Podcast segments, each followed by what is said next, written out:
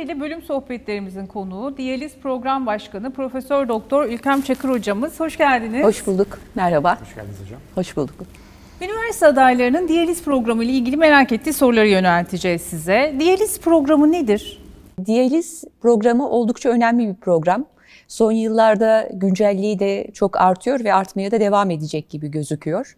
E, çünkü hem dünyamızda hem de ülkemizde e, kronik böbrek yetmezliği dediğimiz her iki böbreğimizin birden geri dönüşsüz olarak iflasıyla karakterize çok ciddi bir sağlık sorunu var.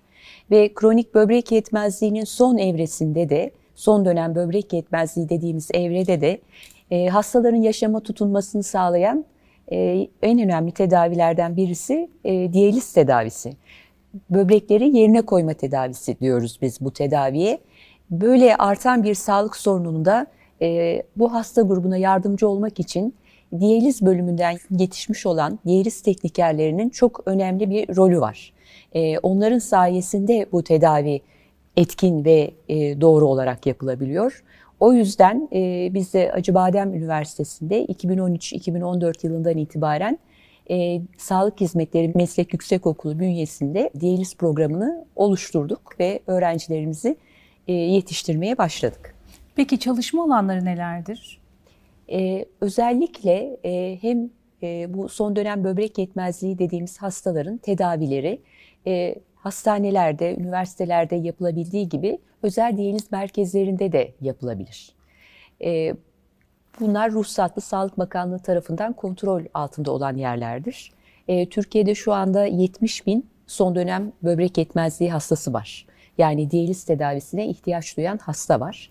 E, bu hastaların e, düzenli olarak haftada iki veya üç defa diyalize girmelerinin sağlanması gerekiyor. O yüzden hem özel diyalizden, diyaliz merkezleri ayaktan gidip gelip hastaların haftada iki veya üç defa dörder saatlerini geçirdikleri merkezler var. Hem hastaneler içinde olan merkezler var.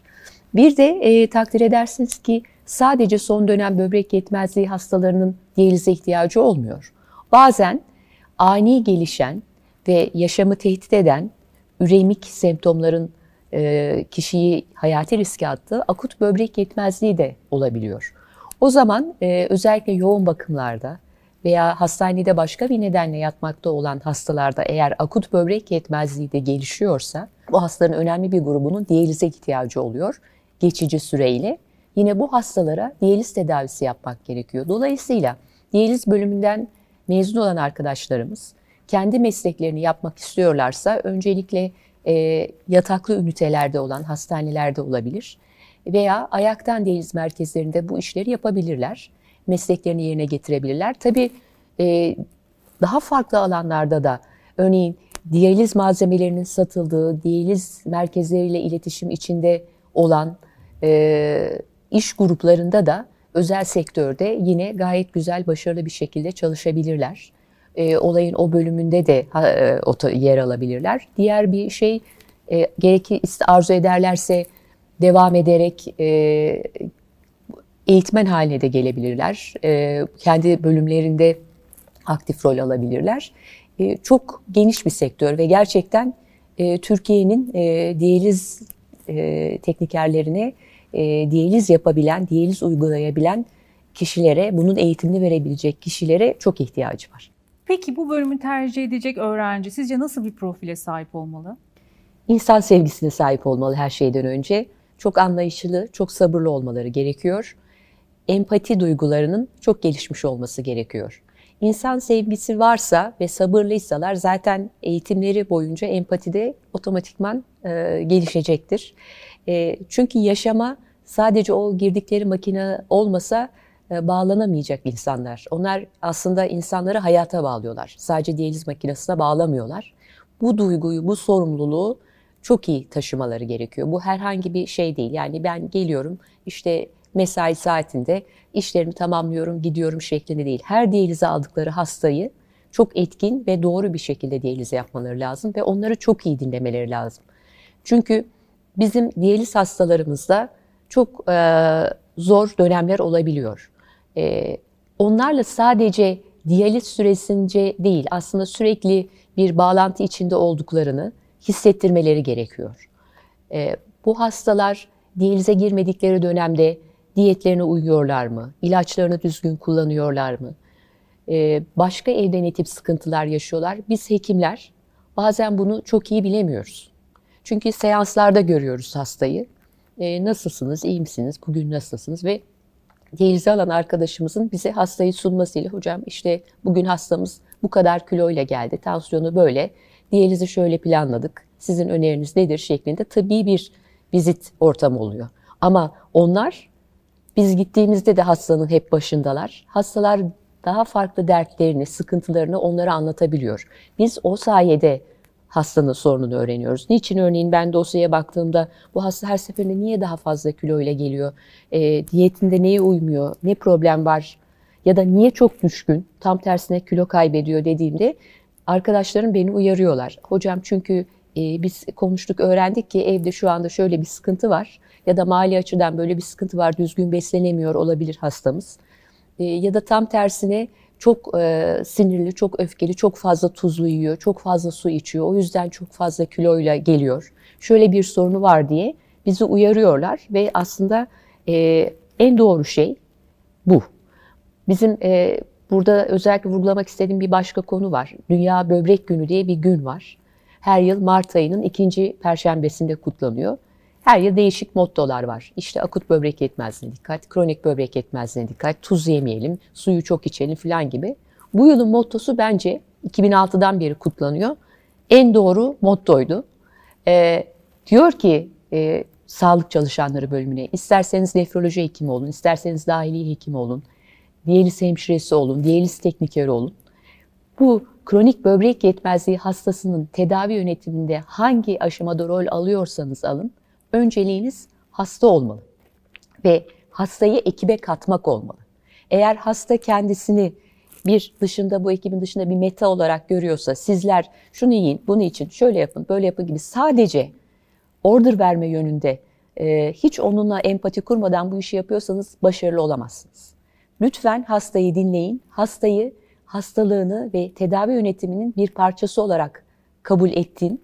Bunu ona hissettirin o kendi tedavisini yönlendirmede, daha iyi hissetmede ne yapması gerekiyorsa onu yapmayı gerektiğini bilsin ve o da size fikir versin. Ama işte bu e, bağlamdaki e, çalışmada aslında bence en önemli görevi diyalizi yapan kişiler üstleniyor.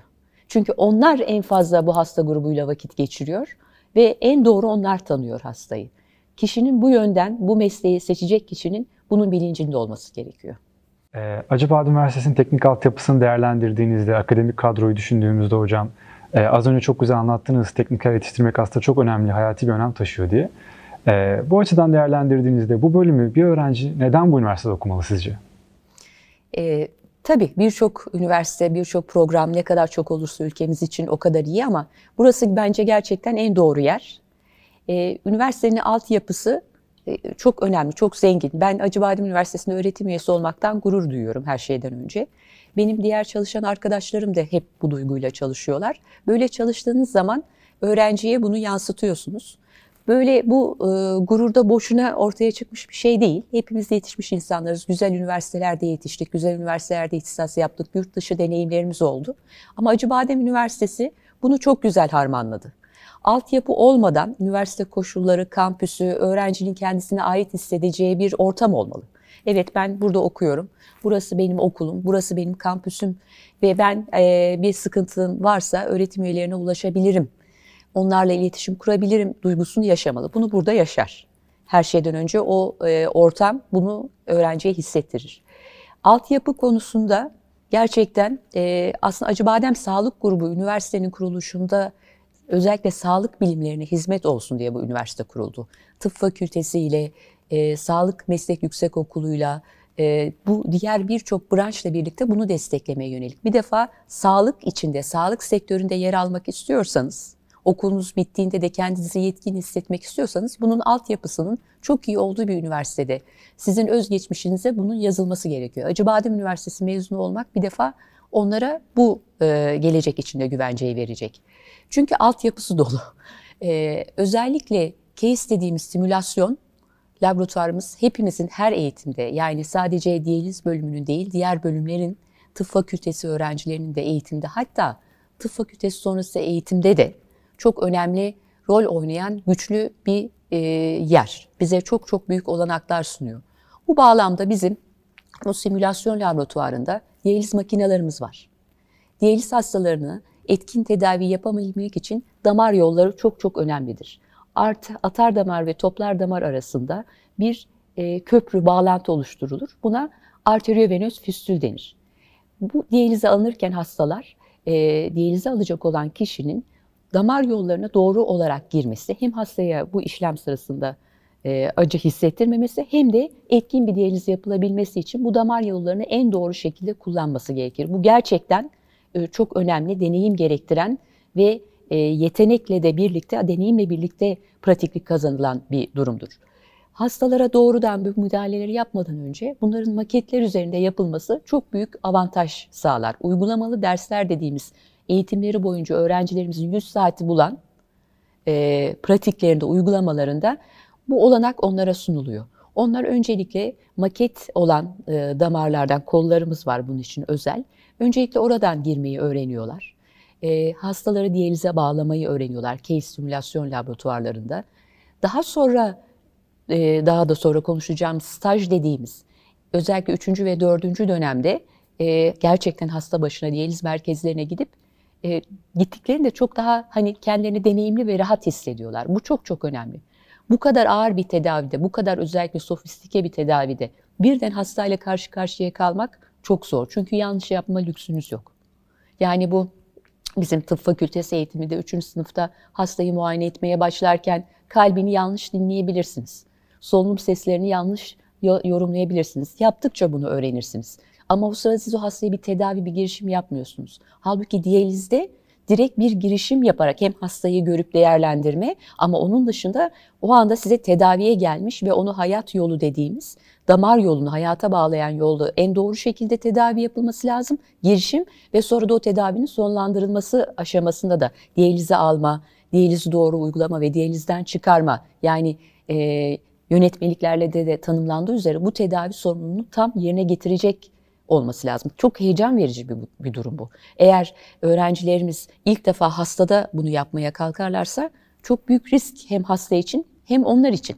Ama biz onları ilk iki dönemde simülasyon laboratuvarında, uygulamalarda onu rahatlıkla hazırlıyoruz. Onlar da kendilerini çok daha güvenli bir şekilde diyaliz merkezlerine gidebiliyorlar. Nitekim e, çalıştığımız diyaliz merkezlerindeki aktif 3. 4. dönemde bizim öğrencilerimizden geri dönüşler de oradaki tabii e, eğitmenlerle de sürekli iletişim içindeyiz. Hep geri dönüşler çok olumlu, çok daha rahat öğrenciler, e, daha kendilerine güvenli olarak geliyorlar diyor diye bir geri bildirim alıyoruz. Bitirdiklerinde de o bildirim alıyoruz. O halde ben bu işi yapmak istiyorum. E, bunun eğitimini alacağım ve bu benim mesleğim olacak diyorsa bir kişi hem e, hastayla birebir iletişime geçmeden önce uygulama anlamında simülasyon olarak bunu yetkin hale gelmeli. Hastada çok daha kendinden güvenli, rahat deneyim kazanmalı. Bitirdiğinde de ya ben bu üniversitenin bu bölümünü bitirdim. Yaptığım pratik, gördüğüm işlemler budur. Sonrasında da bunu rahatlıkla yapabilirim. Çünkü ben acaba Adem Üniversitesi mezunuyum diyebilmeli. Bu bence en önemli konu. Nereden mezun olduğunuz bunun için çok büyük önem taşıyor. Stajlar kaçıncı sınıftan itibaren başlıyor ve bölüm olarak siz mi planlıyorsunuz stajları? E, elbette e, uygulamalar özellikle tamamen bizim kontrolümüzde. Üçüncü, dördüncü dönemde de stajlara gidiyorlar öğrencilerimiz. Değişik diyaliz merkezlerinde görev alıyorlar. Bunu e, programdaki sorumlu uzmanımız çok Canan Hoca gayet güzel birebir Sayın Canan Yüksel Acar e, çok ciddi bir şekilde herkesle iletişim kurarak ve tek tek takip ederek bunu sağlıyor. Çok büyük emek harcıyor. Yani çocuklar nereye gideceğini bilmez bir halde olmuyor. Dünya takdir edersiniz ki Acıbadem Üniversitesi'nden oluşmuyor. Dışarıyı da görmeleri lazım. Dışarıdaki diyaliz merkezlerinde de çalışmaları lazım. Elbette ki bizim sağlık grubumuz bünyesindeki hastanelerimize de geliyorlar. Hem yoğun bakımlarda hem yatan hastalardaki değişik diyaliz tedavilerini sadece ayaktan değil, yoğun bakımdaki yapılan diyaliz tedavilerini de öğreniyorlar. Ama onun dışında dış merkezlere de özel değil veya genel kamudaki diyaliz merkezlerine de e, staj yapmak için gidiyorlar. Bu da e, hak, hakikaten büyük bir emekle ve iletişimle ve sürekli o iletişimi iyi devam ettirmekle mümkün olabiliyor. Çünkü birçok e, başka okullardan gitmek isteyen insanlar da oluyor. Diyaliz merkezlerindeki arkadaşlarımız da haklılar. Onlar da belli sayıda stajyer kabul edebiliyorlar. Özellikle Covid gibi bir pandemi yaşadığımız şu dönemde bu çok da daha da zorlaştırıyor ama dediğim gibi yılmadan öğrencilerimizi açıkta bırakmadan onlara bu staj olanaklarını e, sağlamak için elimizden geleni yapıyoruz. Yaz aylarında olan bir stajımız var. Onu öğrencilerimiz kendileri o, özellikle o sorumluluğu hissetmelerini istiyoruz, e, ayarlıyorlar. E, ama o işi de düzgün yapıyorlar mı, yapmıyorlar mı tabii takipçisi oluyoruz. O kadar o konuda e, kontrolsüz de bırakmıyoruz. Hocam dikey geçiş sınavı e, ön lisans programları okuyan öğrenciler için çok büyük bir şans gerçekten. Evet. E, bu açıdan baktığınızda e, size sormak isterim. 2020 kılavuzuna göre hangi yönlere geçiş yapabiliyorlar? E, bizim bölümden e, mezun olan arkadaşlar hemşireliğe geçiş yapabilirler. Bizim bölümde okurken. E, bu sınavda başarılı olurlarsa tabii. E, o şekilde bir geçiş olabilir ki o da çok önemli bir olanak bence. Çünkü o zaman sadece diyaliz değil, e, sağlığın diğer e, sektörlerinde, daha değişik diğer branşlarda da yetkin hale gelebilirler. Bu da önemli bir avantaj diye düşünüyorum. Sektörün mezunlardan beklentisi nedir ve iletişiminiz de devam ediyordur mezunlarınızla. Şu an mezunlarınız neredeler, hangi alanlarda çalışıyorlar? Tabii onlar bizim göz bebeklerimiz, iletişimimizin devam etmemesi mümkün değil. Ee, bir de insan kendisi hani sıfırdan kurup onların yetişmesini gördükçe arkadaşlarımla birlikte e, çok bu cidden emek harcanan bir durum. Dolayısıyla kendi evladınız gibi görüyorsunuz ve takibe devam ediyorsunuz. Bazen telefon ediyorlar, hocam biz şuradayız. Türkiye'nin değişik yerlerinde oldukça, e, çoğu zaten kendi mesleğini yapıyor. Yani diyaliz yapıyor ve oldukça başarılılar.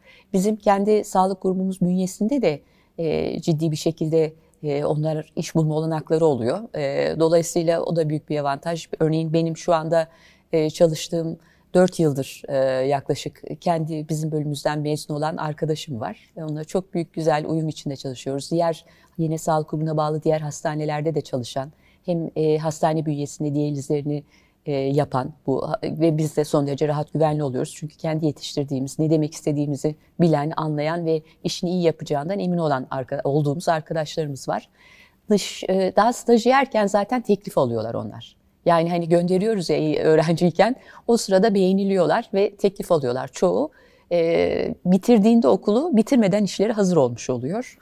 Bu da bence çok büyük bir avantaj. Bunda da gurur duyuyoruz. E, sektör gerçekten çok ihtiyaç duyuyor. Çünkü dediğim gibi ne yazık ki kronik böbrek yetmezliğini hani başa dönecek olursak en önemli iki neden var hastalık. Birincisi diyabet, şeker hastalığı, ikincisi hipertansiyon, yüksek tansiyon. Ve bu toplumda üçüncü de e, hepimizin yine çok konuştuğu bir konu obezite. Bu giderek artıyor toplumda. Arttıkça da kronik böbrek yetmezliği insidansı artıyor, görülme sıklığı artıyor. E, bu bireylerin de e, son dönem böbrek yetmezliği ne yazık ki ilerlemesi. Yaş da uzadı biliyorsunuz, yaş da arttı yani insanın ömür de uzadı. E, yaşlandıkça, yaşlanmayla birlikte böbrek yetmezliği ve diyaliz ihtiyacı giderek daha artıyor. Bu hasta grubu arttıkça, e, şu anda dünyada 8 milyon böbrek hastası var.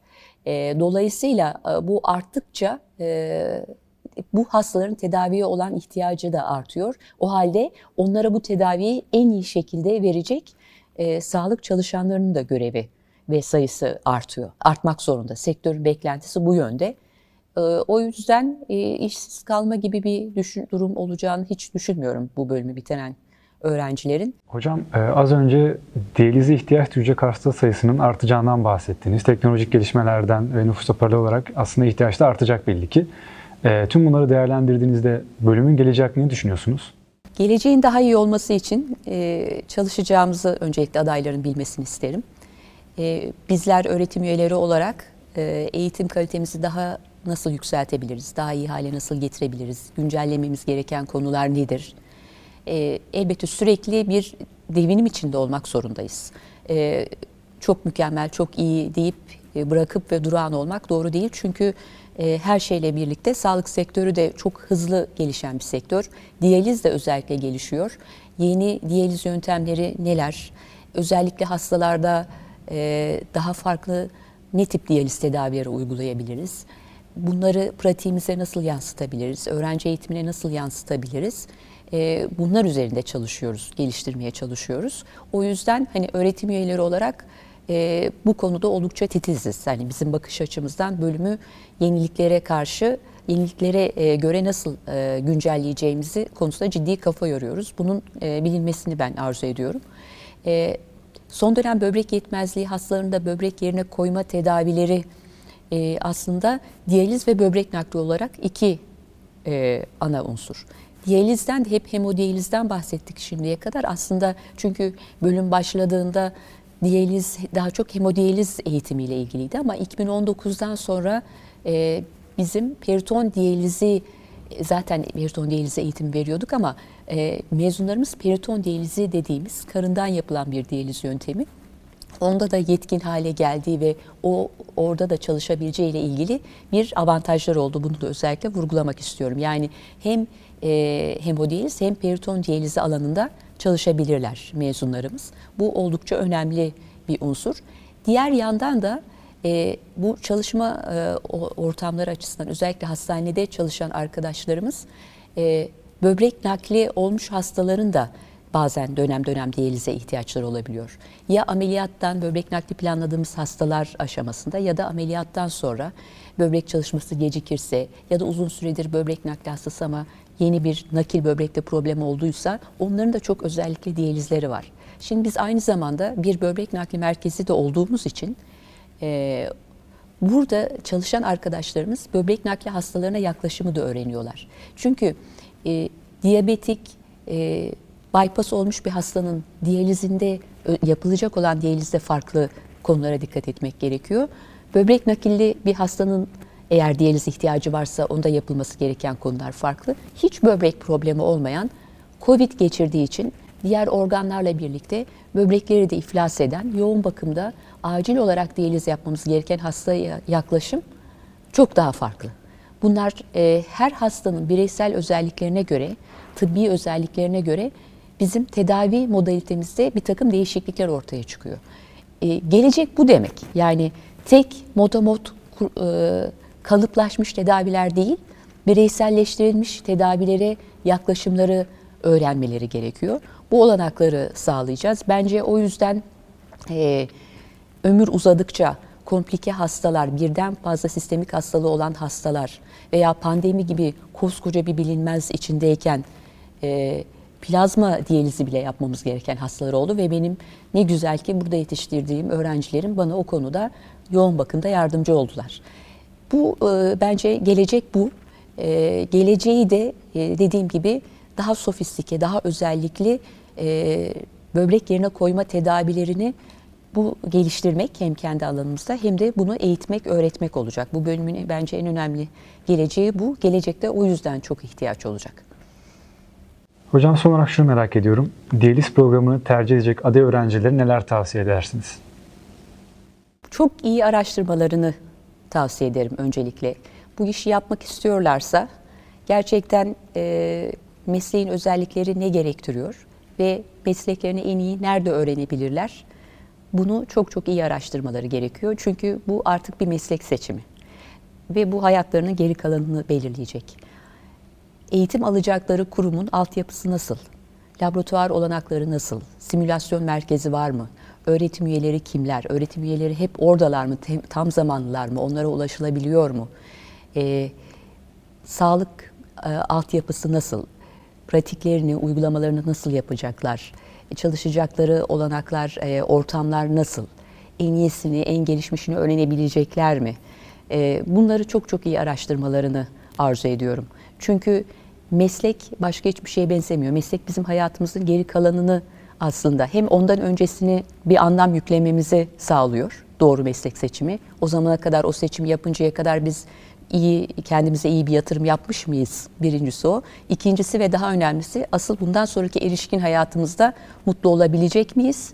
E, tatmin olabilecek miyiz yaptığımız işten?